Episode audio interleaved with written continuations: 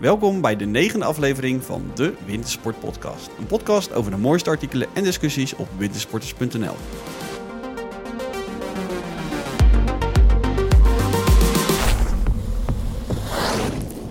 Zo grote vriend, lang geleden. Jongen, jongen, jongen. Bijna een maand geleden voor mijn gevoel eh, dat we de laatste hebben opgenomen. Nou, dat is niet alleen voor je gevoel, dat is ook echt een maand geleden ongeveer. Is ook We zijn echt natuurlijk zo. allemaal erg druk. Ja, Maar dat is het gekke van ons vak. Hè? Kijk, in de, in de zomer hebben we alle tijd. Maar er zit niemand eigenlijk op ons te wachten. Want dan zijn weinig mensen met wintersport bezig. Maar in de winter, als mensen er wel mee bezig zijn... dan zijn wij zelf natuurlijk ook heel erg druk. ja, En dan schiet het er wel eens weer in. Want we moeten natuurlijk de agendas een beetje afstemmen. Hè? Jij moet er zijn, ik moet er ook zijn. We moeten onze grote steun en toeverlaten René ook nog eens eh, tijd, zin en eh, aanwezigheid en zo eh, hebben. en dan schiet het er wel eens bij in. Maar laten we eerlijk zijn, het lag niet echt aan mijn agenda, maar vooral aan jou. Je bent een weekje ziek geweest, nou dat is nog oké, maar een week daarvoor was je weg. Ja, de week ervoor was ik weg. Ja. Ik was in, eh, in Canada. Ja, ja dan, eh, dan moet je allerlei verbindingen via Skype gaan opzetten. Maar ik zat ook in een gebied waar er eigenlijk heel matig of tot geen internet was. Ja, ik heb denk ik nog nooit meegemaakt dat ik jou online in chats of e-mails een week niet heb gesproken. Ja, lekker, maar ik heb gewoon een Lekker week, is dat, hè? een week niets van je gehoord. Ja, nee. Hoe ging die internetverbinding? Leg even uit, waar zat je dan precies? Ja, we zaten eh, in een lodge, ongeveer eh 2,5 uur rijden ten noorden van Revelstoke. En Revelstoke ligt dan weer soort van precies tussen Calgary en Vancouver in, dus in eh, British Columbia. En ehm, ja, daar is niks, weet je. Dus je rijdt vanaf dat dorpje, rijd je 2, 2,5 uur naar het noorden. En dan kom je ook niks tegen. En, en er is, ligt er dus in een straal van, van die tijdspanne ligt er niks. Dus, er is ook geen enkele noodzaak om daar internet te hebben. Dus heb je, vanuit die lodge hebben ze dan wel een verbinding. Maar ja, dat gaat dan ongeveer zo, weet je. Het is een beetje van 56k6 modem van vroeger, dat je inbelt, dat gevoel krijg je. Ja, dus we zijn dan nog wel een beetje, ja, iedere dag proberen we wel een weerbericht eh, eh, online te zetten. Maar dan moet je een fotootje uploaden. Ja, daar ben je dan gewoon, eh, alleen het fotootje van eh 200 kb ben je al zes minuten mee bezig. Dus dan ben je daar snel klaar mee, zeg maar. Oké, dus het was eigenlijk een vreselijke vakantie als ik het eh, zo een Nee, beetje man, het is heerlijk. Je zou het eens moeten proberen, man. Even gewoon geen internet. Het was even een dag afkicken. Maar daarna was het... eh, ja, je, je, je, je komt weer een beetje tot leven eigenlijk. In plaats van dat je continu naar schermen zit te kijken. Dat is ook wel eens heel fijn. Ongelooflijk. Hey, en eh, hoe, hoe kom je in hemelsnaam terecht in eh Revelstoke? Nou ja, we, we gaan eh, met altijd een hele groep uh, wiepouderaars gaan we, een, gaan we een, een paar dagen heliskiën. Dat is toch een beetje de, ja, de bucketlist, om ik eens even een heel trendy modewoord in het reizen te gebruiken. Bucketlist ding voor heel veel mensen. Die willen dat graag een keer gedaan hebben. Dus we gaan dan ieder jaar gaan we met een, eh, met een aantal mensen gaan we daarheen. En dat is te gek, weet je. Dan eh, gaan we eerst eh, een paar dagen in de skigebieden daar gaan we skiën. Dus in, in Kicking Horse en in Revelstoke. En dat is al super. En dan, nou ja, dan gaan we een paar dagen met de helikopter omhoog. En ja, dat is natuurlijk voor veel mensen gewoon een absolute droom. Want dat is, je zit dan dus niet meer in dat skigebied als je met de helikopter gaat vliegen. Dan zit je in een soort van afgelegen hut. Ja, En daar zit gewoon een helikopterplatform bij of zo. Je ja, loopt nee, ja, geen helikopterplatform. Dat die landt gewoon op de sneeuw. Bedoel, er is daar niks. Weet je? Ja, dus, ja, ze hebben gewoon een soort van eh, bomen weggehakt. En daar, daar landt die helikopter. Dus je zit in een lodge. Dat is overigens niet een heel Spartaans ding hoor. Dus je hebt gewoon wel. eh, het is behalve het feit dat ze niet heel snel internet hebben, is het wel allemaal. Ze hebben wel warm water, zeg maar. Natuurlijk, man. Er is een jacuzzi en het eten is prima. En er is een sportzaal. En, maar je- ja, je zit echt in, in een lodge met z'n allen. En dan eh, iedere ochtend eh, om een uurtje of eh, negen, dan stap je in de helikopter en die brengt je dan weg. En je, je, je skiet dus inderdaad niet in een skigebied, maar echt in, ja, in the middle of nowhere. En dat is echt wel tof. Weet je, je skiet in een, in een gebied om het een beetje, ehm, om het een beetje voor mensen wat, wat, wat meer begrijpelijk te maken. Dat ongeveer, nou, pak een beetje, 14 à 15 keer zo groot is als de hele Travallée. Ja. Op, die, op dat soort, eh, die oppervlakte skiën. En daar ben je dus met een mannetje of in totaal 30. Dus je hebt gewoon honderden hellingen waaruit je kan Ja. kiezen. En, maar dat wordt voor jou gekozen. Ja, ja, nee. Dus je organisatie die kiest wat is veilig. Eh. Ik neem aan dat je gidsen meekrijgt. ja, ja, ja, uiteraard. Dus gewoon wel een, be- een beveiligde droom, dus zeg maar. Als een, Eh, ja, nou ja, een veilige droom. zo veilig mogelijke droom. Kijk, het is natuurlijk wel gewoon een natuursport, dus dingen kunnen altijd misgaan. Ehm, maar ja, ze zijn er continu, die veiligheid staat voorop en daar zijn ze continu mee bezig. Niet alleen met het skiën, maar ook met de helikopter natuurlijk. Want uiteindelijk is dat gewoon een soort cola blikje waar je in zit. Dat, eh, is ook wel heel tof. Dat is echt wel gaaf. Dat zijn echt van die, eh, het zijn de helikopters waar ze ook in Vietnam bij hebben gevlogen. Hey, serieus. Budget eh, helikopters. Nee, nee, dit is de Bell 212. Daar hebben ze echt in Vietnam. En die herken je zeg maar aan zijn rotor. Want veel helikopters hebben een rotor. Ja, ik maak nu allemaal handbewegingen, dat zie je. Maar die hebben een rotor die is gewoon recht. Ook met die handbewegingen Ja. snap ik helemaal niks Nee, maar de verder. rotor is dus gewoon recht. En dan, eh, maar een Bell 212 heeft dus een opstaande rotor. Dus aan het eind gaat hij nog een stuk omhoog. En daar zit de tail rotor in, zeg maar. Dus het, Ja, ja. en, en dat hebben ze gedaan omdat ze dan in Vietnam makkelijker konden landen in al die reisdingen en zo, weet je. Maar die helikopter, dat is een super betrouwbare helikopter. Die wordt niet meer gemaakt. Maar ze, die gasten vliegen dus nog steeds met dat ding. En dan maken ze hem, eh, nou ja, zo eh, onderhouden hem waanzinnig goed. En ja, dat is gewoon een, eh, ja, een, een onwijs gave bak. En daar zit je dan in. Hé, maar dat moet toch een fortuin kosten? Dus, Dat kost het ook. dat kost het ook. maar waar moet je rekening mee houden? Dus je gaat een week lang dan op pad. ja, ik, weet je, ik zeg al van deur tot deur. Dus van, van het moment dat je weggaat op Schiphol tot het moment dat je weer terugkomt, ben je toch, moet je toch wel denken aan tussen de 6.500 en 7.000 euro. Oké. Nou, wel een hoop geld, maar ook... Ja. Ja. Het is, het is zo'n ding wat je één keer doet. En dat je Nou ja, denkt, één keer doe sommige mensen doen het één keer. Die hebben ervoor gespaard. En dat is echt een, eh, nou ja, een, een afstrepen ding van ik moet dat een keer gedaan hebben. Ja. Maar goed, er zitten ook mensen tussen, ja, die verdienen eh, gewoon heel veel geld. En die zeggen van ja, weet je, dit is gewoon het einde. Ik ga dit gewoon vaker doen. Ja, Ja, ja. Weet je, als je in die positie zit, waarom niet? Je kan ook een auto kopen van een ton. Hè? Ja, die mensen geven het daar uit. En misschien hebben die ook wel een auto van een ton, dat weet ik eigenlijk niet eens. Ja, waarschijnlijk. Waarschijnlijk wel. Heel gaaf. Maar dat is dus, jij doet het ieder jaar eigenlijk, hè? Dus dan, eh, jij gaat mee als eh, reisbegeleider, Ja. zullen we maar zeggen. Entertainment. Entertainment, ja. ja. Dus niet alleen in deze podcast, eh, maar ook in Canada. In te huren voor feesten en partijen.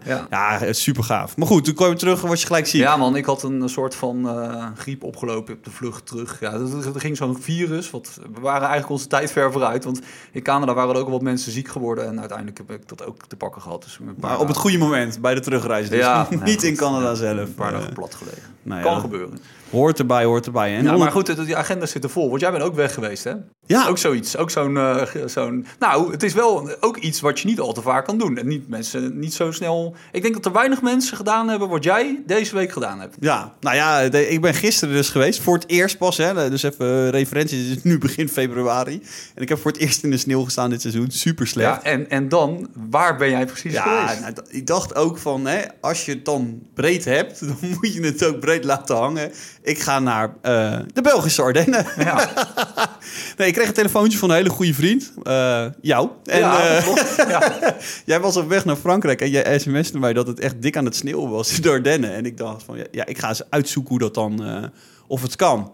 Maar de Ardennen is van, ja, als je sneeuwhoogte zoekt eh, bij ons op de website, ja, je, je krijgt niks door. Want wij krijgen ook niks door van die skigebiedjes in de Ardennen. Want er zit helemaal geen professionele organisatie omheen Nee. of zo. Eh, De, eh, dus als wij ja, bijvoorbeeld... en als je al wat doorkrijgt, dan krijg je een paar keer per jaar wat door. Want er ligt natuurlijk bijna nooit sneeuw. Nee, er, er ligt echt super incidenteel. Nou ja, dus voor een voorseizoen zijn ze volgens mij twee of drie keer ook open geweest. Ook soms Ja, ja. wel wat langere periodes. Ligt er een beetje aan, maar je kan het een beetje vergelijken van als het echt koud is in Nederland, dan weet je gewoon, er zijn mogelijkheden dat er sneeuw ligt in de Maar Ardennen. wil je, hoeveel skigebiedjes heb je in de Ardennen? Nou, volgens mij officieel heb je er vijf of zes. En, eh, Officieel. Maar het is België, dus officieel. nou ja, er zijn er een paar al jaren niet meer open geweest. Hè? Ja, van, je hebt een mooie steile piste, de Ja. Mont de Brume, dat ligt vlakbij uh, Stavelo. En dat, Ja. eh, die is al jarenlang niet open geweest. En die zijn nu ook niet open, terwijl er wel sneeuw ligt. Dat je denkt van, ja, wat is daar aan de hand? Eh, en dat is gelijk ook een beetje het grootste verschil. Hè? We hebben het nu over skigebiedjes, maar laten we het ja, even gewoon pistes noemen, want meer is het natuurlijk niet. Maar d- d- ehm, ja, daar wordt natuurlijk niet knetterveel geld verdiend. En ehm, dat werkt dus ook gewoon anders dan bijvoorbeeld een Winterberg of zo. Waar, dus die liften die daar staan, ja, volgens mij in België zijn natuurlijk de reguleringen allemaal wat makkelijker. Van die liften die daar staan, die zijn volgens mij jarenlang niet getest. Of die hebben in ieder geval geen keurmerk meer. Die staan gewoon half verroest langs de Maar kant. dat zijn natuurlijk ook geen stoeltjesliften. Het zijn geen stoeltjesliften, nee. Het zijn allemaal sleepliften gewoon. En, eh, maar het is gewoon een hele andere wereld, weet je. Want dus ik ging, eh, ik wilde er, nou, ik dacht, ik had dus van jou gehoord, er ligt sneeuw. Dus dan ga je zoeken, nou, dan kom- je ergens op een website van uh, maasmechelen.meteo.be. En daar is een gast die dan iedere sta- station langs belt om te vragen van, gaan jullie open? Nou, dan, eh, eh, ik wilde een filmpje gemaakt samen met een collega Edo, maar die snowboard. En toen kwamen we er in één keer achter dus dat bij eh, twee van de eh, vijf skigebiedjes die potentieel open kunnen gaan, eh, eh, mag je helemaal niet komen als snowboarder. dus dat is ook heel bijzonder. Hè? Maar dat, dat is dan Trappon bijvoorbeeld. Eh, Nee, dus Spa, Spa heeft een skigebied, de Rexon heet dat. Ja. is eh, nee, gelukkig ook een redelijk laffe helling. En die zegt gewoon, ja, padden, snow, surf is gewoon, eh, Ja, dat willen ze gewoon niet hebben. Nee. En eh, het eigenlijk het allermooiste skigebiedje wat er is, is Oviva. Dat Oviva, ligt, ja. eh, Echt, echt in een beetje in het oost, dat noemen ze de Oostkantons. Dus echt richting Duitsland heen. Daar moet je ook echt wel ver voor rijden binnendoor om daar te komen. Eh, bij Mamedi in de buurt ligt dat. En, ehm, eh, Ja, dat is best ver. We willen dus, ik ben, Ja. in de die. Nee, maar serieus. Ja, ik ben dat dus in de zomer in die hoek geweest. En denk je, nou, ik ga daar naar de Ardennen. Hoe ver kan het zijn? Ja, relatief gezien is het valt mee, maar het is wel dat je denkt, wel- hoe lang duurt het nog? Ja, hoe lang duurt het nog? Dat gevoel heb je de hele tijd. Maar goed, daar ben je dus niet geweest. Nee, daar ben ik niet geweest, maar dat was ook dus dicht. Maar daar zijn ook snowboarders bijvoorbeeld verboden. Terwijl dat echt de enige piste is waarvan je denkt in de Ardennen, daar kan je echt goed losgaan. Maar goed, wij kozen voor Barak de Frituur. Eh, nergens on- er stond online dus hij is open, maar nergens iets over sneeuwcondities. Nou, dan ga je naar zoeken. Prettige wedstrijd. Er is daar in de wijde omgeving zijn er nou ja, geen tot een paar webcams waarin je totaal geen idee hebt hoe het precies zit met de sneeuwcondities op die pistes. Toen ging ik naar een sneeuwtelefoon bellen. Nou, dat was helemaal bizar. Dus, eh, is een soort van sneeuwnummer wat je kan bellen voor ieder skigebiedje. En dan krijg je een soort van voicemail te horen. Waarin een gast in het plat Waals uitlegt of het skigebied dicht of open is. Maar door dat bericht heen, hij werd vijf keer gebeld terwijl hij dat bericht inspreekt. Dus ik hoorde allemaal signalen. Ik moest echt drie keer bellen voordat ik begreep dat hij zei... Morgen gaat het open en er staan drie... Er komen drie scholen langs of zo. Dat was het bericht. Ja. Wat, dus dat, dat, je moet je voorbereiden op drukte of weet ik wat. Dus dat is absurd. absurd. Maar wij kozen dus voor Barak de Frituur. Ja, kan dat achter- kent iedere Nederlander denk ik ook wel. Als je van Luik richting Luxemburg rijdt, Ja. dan kom je er langs natuurlijk. Dan kom je er langs. Brak van de frituur. Ja, dus dat ieder- is natuurlijk de standaard grap die iedereen Iedereen maakt. die denkt dat het met friet te maken heeft, maar dat heeft het echt niet te maken. Ik heb geen idee wat frituur betekent. Dat is met AI, dus het heeft Ja. echt niks met een frituur te maken. Nee. Er staat, om het helemaal ingewikkeld te maken, een hele goede snackbar op de top. Ofwel Dus- een frituur. Een frituur. ja, die heet frituur. die de frituur. Een barak. Maar goed, Super ingewikkeld allemaal. Ja. Maar goed, dus wij hadden het dus door van, nou ja, eh, hij is open. We hebben geen idee. Eh, hij zei het is druk. Op de voicemail hoorden we de condities zijn goed. We dachten we springen gewoon in de auto. Het wordt mooi weer. nee, maar dat had ik ook gezegd. Want eh, wij reden daar dus langs en er lag gewoon echt, er Ja. lag echt flink wat sneeuw. Ja, maar goed, in de Ardennen kan het natuurlijk de volgende dag weg Ja, zijn. waar. Of een regenbui waar. achteraan komen. Je hebt geen idee. Maar we reden erheen en toen hadden we eigenlijk al door van... dit is echt een goede beslissing. Want bij Luik was alles echt al knetterwit. En dat is, volgens mij ligt Luik nog op geen 200, 300 meter of zo eh, hoogte. Eh, daar was het ook al wit. En hoe meer we daarheen reden, hoe hoger die sneeuwhoogtes werden. Nou, laten we zeggen, allemaal relatief. eh, er lag misschien 20, 25 centimeter langs de kant van de weg. Maar dat is dus echt gewoon genoeg om zo'n skigebiedje open te krijgen. Dus ja, ik was wel verrast. Oké, maar nu heb je heel veel verteld. Maar hoe was het skiën Ja. precies? Want- Ja, ja, het is even een beetje dubbel. Laat ik zeggen van... Allereerst vond ik het super vet dat je soort van terug in de tijd gaat. Dus je komt er binnen en dan eh, koop je een skipas. Dat kost dus 12 euro voor een hele dag. Nou ja, dat is hè, in heel veel grote skigebieden in de Alpen is tegenwoordig al richting de 60 euro. Nou, dus Ja. 12 euro, wat een grap. Nou, dan kom je er wel achter dus dat bijna iedereen daar materiaal huurt. Hè. Dus er komen Ja. eigenlijk alleen maar mensen die een dagje uitgaan. Die hebben door van die pistes open. Die gaan gewoon een dag gek doen. Die huren al het materiaal erbij. Dus skis plus schoenen kon je huren voor ook 12 euro in stokken. Dus dan was je 24 euro, was je, was je gewoon klaar. Hè. In plaats van een dagje naar de Efteling, zeg maar. En ehm, heel veel walen waren er wel. Maar ook gewoon ontzettend veel mensen die niet konden skiën. Maar die skipas ook, hè, dan krijg je een sticker met een ijzertje. En dan moet je dan zelf een beetje ergens aan plik, eh, plakken. En dan skieden we naar die lift toe. En die lift, ja, ik had echt het idee van... Hij deed overigens supergoed en snel. Maar als je er van een afstandje naar keek, dacht je van... Die paal kan ieder moment omvallen of zo. Eh, Roest overal in. En, eh, en nee, dat je echt dacht ehm, eh, van, van, komt dit nog goed? Maar eh, ja, ik was wel... De sneeuw was echt geweldig. Ja. Echt fantastisch. Dus die gasten die maaien dat gras heel kort... waardoor je met relatief Ja, ja, weinig sneeuw lekker kan skiën. En het is, eh, ja, Maar Snowworld. hoe lang is die afdaling dan? Nou, Snowworld Landgraaf... Die zijn niet zo lang als we beweren. Daar hebben we wel eens een keer wat over geschreven. Maar laten we zeggen dat dat 500 meter maar stel voor dat je Snowboard Landgraaf een keertje hebt geschiet, dan nog zeker 300 meter erbij. Ja, ja. Dus je, je hebt Maar is echt... het ook net zo stel? Nou, in het begin heb je een flinke, een flinke eh, afgang waar dus je dan even... maak je een beetje snelheid. En dan maar je snelheid kan maken en dan moet ik wel zeggen, dus als je continu bochten maakt, dan sta je gewoon stil na een tijdje.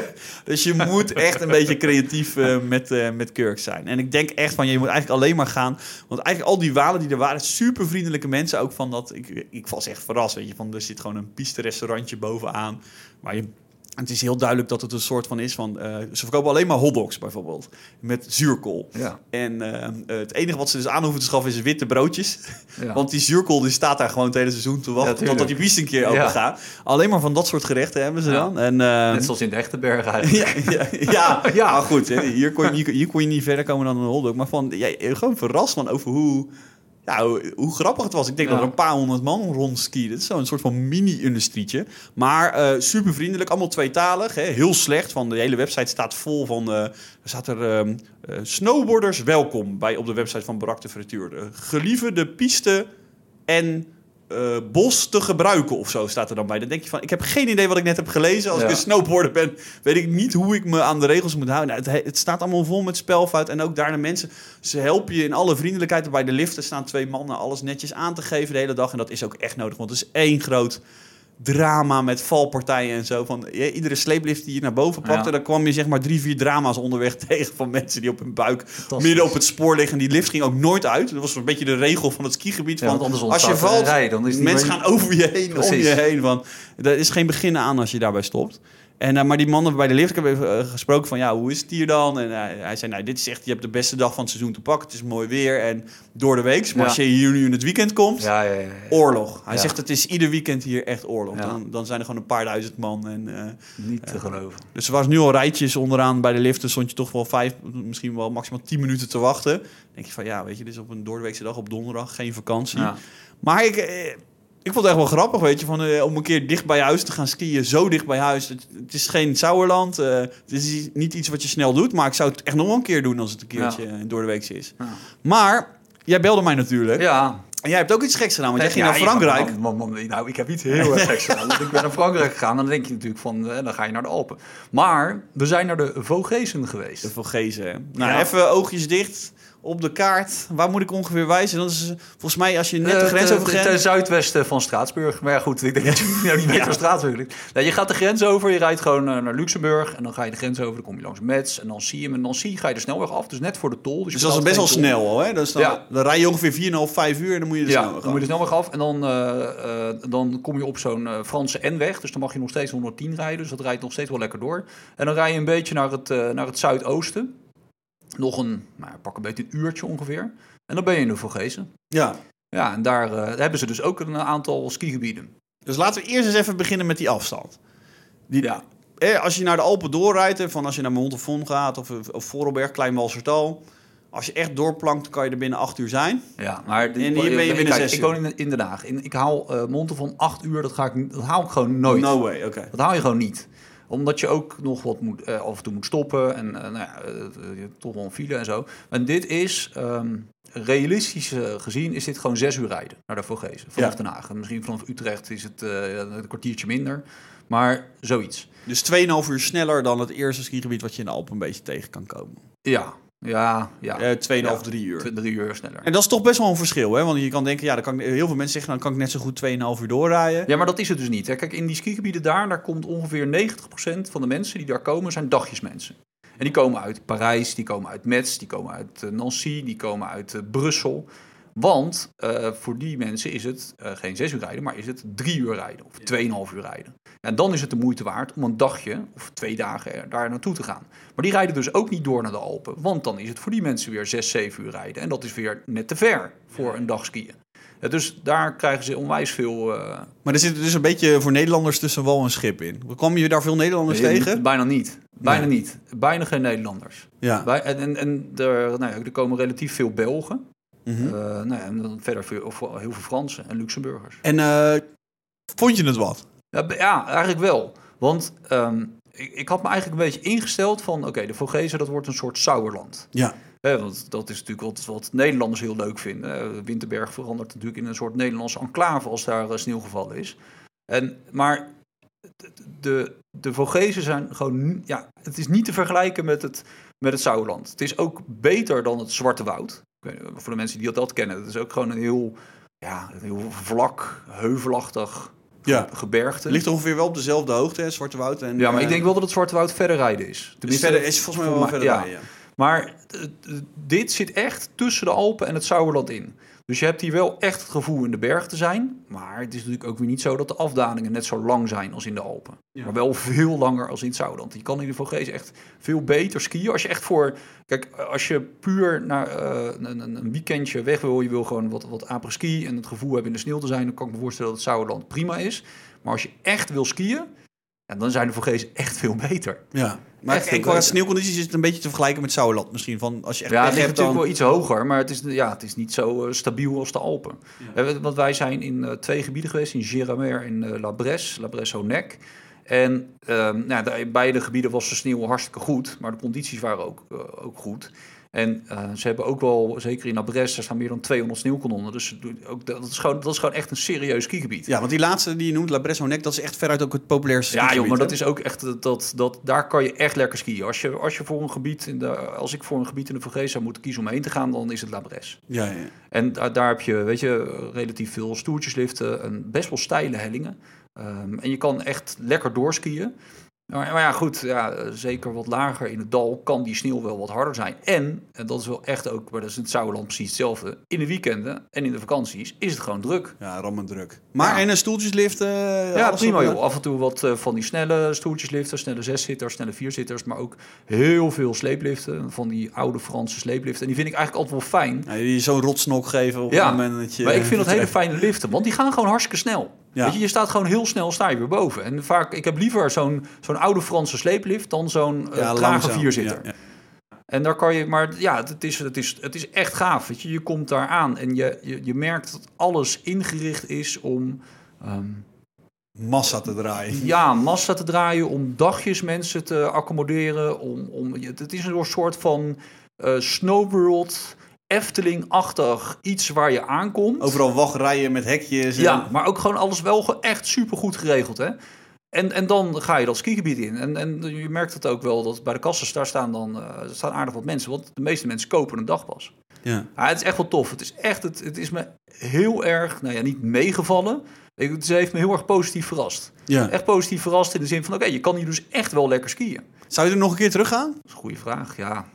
Ja weet ik niet. Ja, dat, dat, dat, Het dat- is meer de, wij houden meer misschien van de avonturen van iets nieuws. Ja, ook. Maar ook, ontdekken. het moet ook op, op, op mijn pad komen. Weet Ja. je, als je zegt van, eh, zou je nog een keer naar Chamonix gaan? Denk ik, ja, maar dan, ik zou niet, zeg maar, dan, dat, dat komt dan vanzelf wel een keer langs. Nee, precies. dat, maar het is ook zo. Ik zou, laat ik het zo zeggen, als het over een, eh, weet ik veel, over twee jaar eh, weer goed is daar. En weet je, dan zou ik er door de week misschien best wel even twee dagen naartoe rijden. Ja. Ja, Nee, ja, precies. Voor een weekendje, of ja, een weekend is dan weer moeilijk. Maar stel voor dat je gewoon een keer goede condities hebt en je denkt door de week even twee dagjes ja daarheen. dat is echt tof. Dan is het met de reistijd zeg maar Wat nog ook wel heel doen. grappig is trouwens van het skigebied. De liften gaan gewoon in het weekend en in de vakanties om zes uur 's ochtends open. Ja, ja, ja, ja, ja. Zes uur, hè? Dus niet dat zeg zegt maar wat je in de Alpen af en toe hebt, dat ze half acht open gaan. Nee, dit gaat gewoon om zes uur open. En, dan- en ik ja, hoeveel mensen komen er dan? Maar er zijn er gewoon honderden mensen die dan al de berg op gaan. En dat lijkt heel veel, maar in de, in de, dat, dat, heb je geen wachttijden of zo. Maar ja, dat is natuurlijk wel te gek. Dat je kan om zes uur 's ochtends dan beginnen met skiën. Dan zie je de zon opkomen en dan kan je ontbijten op de, in die hutjes natuurlijk. En dat is hartstikke gaaf. Maar dan blijven ze ook tot kwart voor tien s'avonds open. Dus je kan daar gewoon, eh, nou ja, reken het maar even snel uit, weet ik veel, een uur of 16 kan je gewoon skiën achter elkaar. Ja. Als je dat zou willen. Ja, gaaf. Ja, ik vind het echt wel wat, weet je. Ik hou ook echt van nieuwe skigebieden eh, ontdekken. En onze website zit Ja. natuurlijk ook vol met mensen die dat ook willen doen. En ik ben één keer toevallig ehm eh, wezen wielrennen in de, in, de, eh, in de zomer in de Vogees. En toen kwamen we langs Giramer. En toen dacht ik, nou, dit ziet er een beetje uit als, als Winterberg op steroïden, zeg maar. Ja. Maar toen kwam ik na langs La Bresse. En toen dacht ik, dit voelt echt een beetje zoals de Alpen aan. Ja, maar dat is precies Steile, het lange hellingen. Giramer is een stuk, een stuk gematigder skigebied. Dat is ook, ja, ze, het, het- voelt kleiner aan. Het is allemaal wat, wat, ja, het is wel wat minder heftig. Ook prima geregeld hoor. Ook, eh, ook hetzelfde verhaal. Twee stoeltjesliften en wat sleepliften. En allemaal, allemaal hartstikke leuk. Ja. Maar, maar ja, het, ja, echt skiën is La Bresse, eh, vond ik leuker. Nou, super kick. Hey, we hadden een topic ook, ehm, eh, ik weet niet of die van de week was of misschien wel eerder, maar eh, van een stelling over of, of als je goed kan skiën, dat een kleiner skigebied prima voor je Wat, is. weet je wat mijn gevoel daarbij is? Dat Rogier heeft dit geschreven. Hè? Ja, Voor en het ging even, helemaal Even los. wat context. Rogier woont in de Alpen. Dus wat ik denk, is dat omdat Rogier toch altijd de heeft, he- mogelijkheid heeft om te skiën... Dat hij denkt van ja, weet je, ik ga kiezen voor een klein gebiedje. Want kleine gebieden hebben veel voordelen. Het is over het algemeen wat rustiger. Uh, doordat het wat rustiger is, is de sneeuwkwaliteit vaak ook gewoon prima. En Rogier skiet veel buiten de piste. Daar heeft hij dus ook, is het ook rustiger. En dan heeft hij meer onverspoorde poeder. Maar als je dus niet in de Alpen woont. En zoals de meeste Nederlanders gewoon in Nederland. En je gaat een week, of misschien een week en nog een keer een weekendje skiën. Dan kan ik me echt wel voorstellen dat je dan denkt van ja, maar ja, wat moet ik dan in, in Pelvoux ja. Of, of in uh, nou ja, verzinnenstof van andere kleine gebiedjes. Ik kan me best voorstellen dat mensen dan denken van ja, dan wil ik gewoon een skigebied waar ik de mogelijkheid heb om zoveel mogelijk verschillende pistes te doen. Dat, dat weet je, ik merk dat bij mijn eigen uh, vrienden ook, die zeg maar niet zo uh, gek zijn van skiën als ik, maar gewoon op wintersport gaan. Van ja, die kiezen ook voor een groot gebied. En terwijl ik zelf kan ik helemaal in Rogier's verhaal meegaan. Want ik hou zelf ook heel erg van die kleine gebiedjes in de Alpen. Ja, maar waarom hou je van die kleine gebiedjes? Omdat het er over het algemeen veel rustiger is. Ik vind het veel minder uh, massaal en uh, veel minder vercommercialiseerd. He, dus het, het, gaat meer terug naar de kern. He. Daar gaat het veel meer echt om, om de sport. En dat vind ik, vind ik waanzinnig. Ik ga liever, als ik een week wegga, ga ik liever uh, naar vier verschillende skigebiedjes... dan dat ik één week weet ik veel, in het Zielertaal gaan zitten. Ja, maar je gaat wel liefst dan naar vier verschillende skigebieden. Ja. En ik denk dat dat wel een beetje de, kern is van deze discussie. Dat ik, ik heb exact hetzelfde. Van ik kan geweldig. Ik weet nog, ik ben een keer met Rogier toevallig op reis geweest in, uh, in Oostenrijk. En toen kwamen we in het skigebiedje Sontagstein aan. Dat ligt in Grooswalse Taal. Ja, in Volberg. Uh, nou, daar komt echt bijna, nee, niet veel Nederlanders komen. Er komt bijna überhaupt niemand in dat hele dal. En uh, wij gingen naar dat skigebiedje toe één stoeltjeslift bovenop en die piste eronder was echt fenomenaal. Ja. Uh, we moesten uh, op die dag uh, heel veel filmen, maar we bleven gewoon hangen op die piste en dat ding maar doen omdat hij gewoon geweldig was. Toen zeiden we van ja, in principe kan je hier de hele dag geweldig vermaken op één piste en dat is exact. uniek. Maar om dan de volgende dag weer terug te gaan naar die enezelfde piste, ja. ja. dan is het wel een beetje de lol eraf. Precies, en jij, gaat daar, jij bent daar een dag, want de volgende dag ging je waarschijnlijk naar een ander gebied. En Rogier die woont in de Alpen, die skiet daar een dag. En het is niet zo dat hij daar dan een week is en dan de volgende dag weer daar, daar gaat skiën. Ja. Dus, dus het ligt ook een beetje met, aan met welke intenties je denk ik in dat gebied komt. Want stel dat je met je gezin bent, dan zou ik er weer geen enkele moeite meer hebben. Ja, als je kleine kinderen hebt, die vinden dat geweldig. Ja. Weet je, dus, ja, dus, dus ik, ik, vind, ja, ik, ik, vind, ik vind kleine gebieden fantastisch, maar ik snap ook mensen wel die kiezen voor grote gebieden. En laten we ook alsjeblieft dat onderscheid een beetje blijven houden. Want je moet er ook niet aan denken dat iedereen ineens naar die kleine gebieden gaat. Nee, ja, daarom. Ik, ik, vind zelf een beetje de nieuwe sweet spot voor mezelf is, is de onderkant van het middensegment. Dus die... Um... Dat is toch het al geweest, toch? ja. Jij bent wel een beetje de onderkant ik, van het middensegment. als ik kleding ga kopen. Ja, natuurlijk man.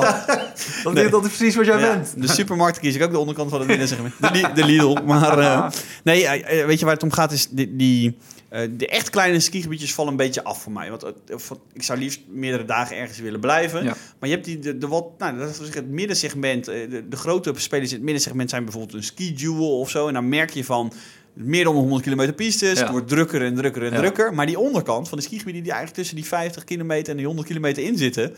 Ja, die hebben gewoon mogelijkheden zat. Daar kan je je ook echt een week vermaken als je gewoon... En dat is een beetje de kern van de discussie. Als je goed kan skiën, ja, dat maakt natuurlijk een beetje een moeilijk verhaal. Maar het is wel zo dat als je Kijk, dan kan je ook nog een mini-tochtje maken. Maar uh, de basis gaat om is dat je in, met het skiën zelf plezier hebt. Ja. En als je, eh, ja, als je dan, noem het goed, of dat vind ik een beetje een vertroebeling van de discussie. Maar nou ja, veel te halen. Andere discussie van was... Um, topic van jou, die ging over verbonden skigebieden en vloek of zegen. Dus volgens mij een verhaal wat eerder in het uh, blad heeft gestaan. In Wintersport Magazine. Uh, ja, goed verhaal. Echt een uitstekend verhaal. Al ja. zeg ik het zelf. Nee, helemaal duidelijk. Maar dat, uh, en dat ging een beetje over van ja, hoe skigebieden zijn verbonden in, uh, in, de, in de loop der jaren. En dat we eigenlijk meerdere golven hebben gezien uh, in verbindingen. Ja. Dat we nu een beetje in de de laat gotische eh, golf zitten. Ja, we zitten nu in een soort neo-gotische revolutie van, uh, van de ski-industrie. Ja. Nee, maar, voor de mensen die het niet gelezen hebben, wat er. Uh, nou, adviseer ik je sowieso van. Ga dit lezen als je echt daar. Fantastisch stuk. Fantastisch artikel. Nee, maar wat je dus ziet eigenlijk, um, of uh, gedurende de laatste 30 jaar ziet in de Alpen, zijn meerdere fases waarin skigebieden met elkaar verbonden zijn. Dus je had zeg maar de begin jaren 80 toen de wintersport echt massaal werd en toen werd het echt populair.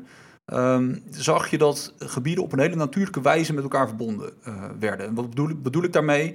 Toen werd bijvoorbeeld eh, eh, de skiweld ontwikkeld. Eh, ze kwamen erachter in Elma en Scheffau dat ze toch wel heel dicht bij elkaar lagen en dat ze met één piste of een liftje eh, dat skigebied konden verbinden. Dus zo is de skiweld uiteindelijk ontstaan, et cetera, et cetera. En ehm, dat op een gegeven moment was die koek natuurlijk een beetje op. Want ja, eh, je bent nou eenmaal beperkt door je geografische ligging. Precies, het werd steeds moeilijker om te verbinden. Precies. Duurder, ingewikkelder. Ja, alleen het, het, het, het punt was natuurlijk wel van ja, eh, zoals zo vaak in de economie, van ja, er moet gegroeid worden, er moet meer geld verdiend worden, et cetera, et cetera. En toen kreeg je dus op een gegeven moment een fase dat eh, men naar verbindingen ging zoeken die eigenlijk al een beetje gekunsteld waren. Een mooi voorbeeld daarvan vind ik de verbinding tussen uh, Zelm-Zieler en Gerloos in het Zielertaal. Ja, die hebben we al een paar keer aangestipt, maar... Maar dat, dat is, die is, bestaat al sinds 2003 uit mijn hoofd. Ja. 2003.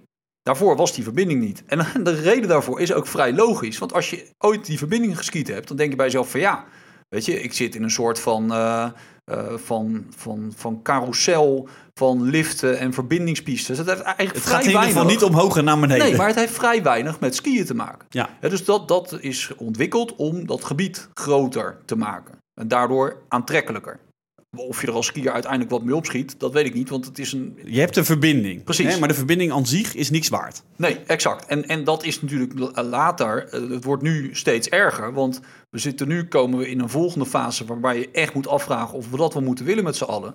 Met gigantische pendelbanen. Joh, ik heb plannen gelezen dat ze Alpe d'Huez en Lederzalp met elkaar willen gaan verbinden. Ja, er ligt een dal tussen van...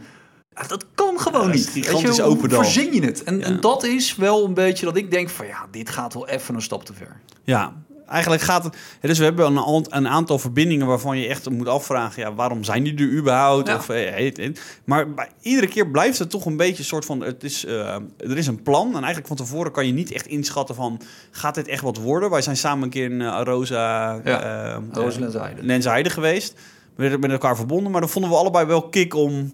Om in die twee skigebieden rond te skiën. Ondanks dat het een horizontale pendelbaan was. Ja. Hè, van, dus de verbinding aan zich voegt er ook niets toe. Maar het, het verbreedt wel echt. Je, je kan daar snel komen. Ja, oké, maar dan Rooslense Heide, daar, daar kan je... ehm, dat vind ik een heel mooi voorbeeld waar je zeg maar het, het eigenlijk aan beide kanten uit kan leggen. Dus je kan het heel positief draaien. Van ja, het skigebied is aantrekkelijker geworden en het is wel een, een, eh, een, een horizontale baan.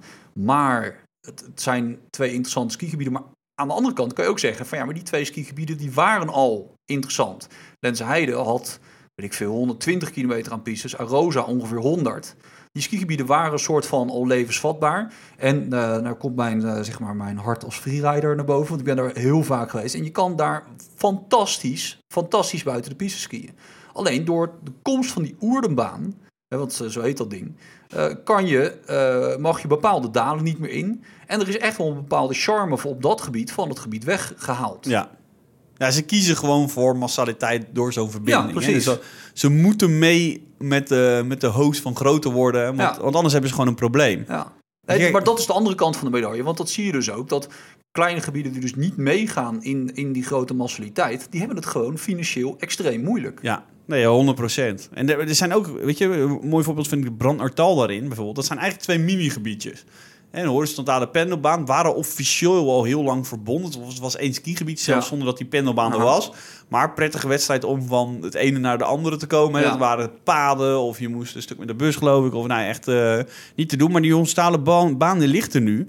Maar daardoor is wel, laten we zeggen, eh, omdat er zo weinig andere liften zijn... is ga, gewoon 10% van de dag zit je in een baan die niks doet. Precies. Je vertrekt en je komt aan op dezelfde hoogte. Ja. En het is een soort van ja, een busrit. Wat ook een beetje voor mij die charme uit zo'n, uit zo'n moment haalt. Ja, en, en wat ze daar natuurlijk ook nog gedaan hebben... van in het, in het kader van nog groter willen worden... is dat ze liftpas gelijk hebben getrokken met die van het Montefon. Ja, dat, nou, dat Ja, is de meest absurde beslissing Waar ooit. gaat dat over? Ja, want van Brandnertal rijden naar Montefon... Nou ja, ik denk het eerste skigebiedje wat je in Montefon tegenkomt, Golm. Als je dat streept met de auto... alles mee hebt, dan duurt het minimaal een half uur. Ja, langer. We hebben het vorig jaar namelijk een paar keer moeten doen. Dat, eh Ja. Van Brandertaal, Montfon en weer terug. Ik ben gewoon drie kwartier onderweg naar Gom. En met andere woorden, als je dus naar eh, Sovretta, eh Montefon wil rijden... Ja, dan ben je dus nog langer onderweg. Ja, dat is het grootste skigebied in Montefon. Dus, Dus, dat- eventjes heel hypothetisch. Hè? Je verblijft in het Brandertaal. Wanneer verblijf je in het Brandertaal? Als je bijvoorbeeld met een gezin bent. Of weet je, het hoeft allemaal niet zo heel groot. Je hebt niet zo'n behoefte aan een heel groot skigebied. Want anders had je Precies. niet naar het Brandertaal Ja, er, zit een, zit een landelpark, je bent daar met kleine kinderen aan de piste, Exact, exact. iedereen blij. Dus wat is de kans dat jij dan met je kleine kind zegt van... joh, weet je wat ik morgen ga doen? Ik rij morgen naar Kasjoen.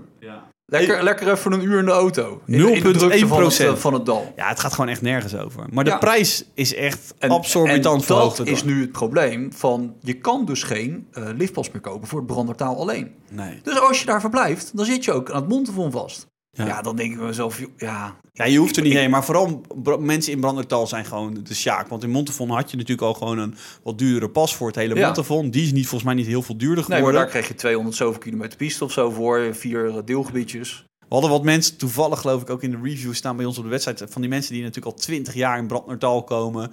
Weet je, kindertjes leren skiën Ja. daar. Dat was hun bestemming. En van het een op het andere jaar is een skipas in plaats van een week eh, 180 euro... eh, ben je gelijk eh, 250 kwijt Ja. of zo. Ja, dan Ja, is echt de humor er wel een beetje vanaf. eh. Ja, en dan ben ik, kan ik me ook voorstellen, daar ben je er wel klaar mee. Want dan, er zijn natuurlijk nog tig andere gebieden van die grootte... waar je met, met een gezin prima terecht kan. ja, duidelijk verhaal. Ja, dat terzijde. Dat hè? terzijde. Hey, we zitten al lang over de tijd heen. Ja, maar ja, maar we hebben ook zoveel te bespreken. we hebben zoveel te bespreken. We hebben, en we hebben nog niet eens alles van de hele lijst gedaan. Dus we gaan volgende week weer helemaal verder. Dus Ja. voor de mensen die deze week eh, op heenreis zijn. Want ik, ik denk dat er toch ja, wel wat nou, mensen ja, man, ik zag vanmorgen al de eerste boksen rijden hoor, op de snelweg. toen Ja, het naartoe is voorjaarsvakantie. Vandaag vertrekken Ja. er ook mensen. Dus René, je gaat even editen als een malle om deze aflevering in elkaar te krijgen. En dan gaan we zorgen dat je deze eh, in de auto kan luisteren. Dus als je deze in de auto luistert, heel veel plezier op, eh, op vakantie. En we zorgen dat er volgende fijne week vakantie. Een nieuwe vakantieaflevering ervan, terug geniet is. van alle verbindingsliften en pendelbanen. Mocht je naar de Vogezen gaan, de sneeuw is nu heel goed. Ja, de sneeuw is nu fantastisch. Ja. En eh, ik heb gehoord dat, eh, dat er in de Ardennen ook nog het een en ander sneeuw Ja. valt. Dus ga je niet op vakantie vanwege geldgebrek. Je kan naar de Ardennen. Voor 12 euro heb je een skipas. Meer over deze aflevering eh, en de onderwerpen die we hebben besproken... kan je teruglezen op wintersporters.nl slash podcast. En daar vind je ook alle eerdere afleveringen terug.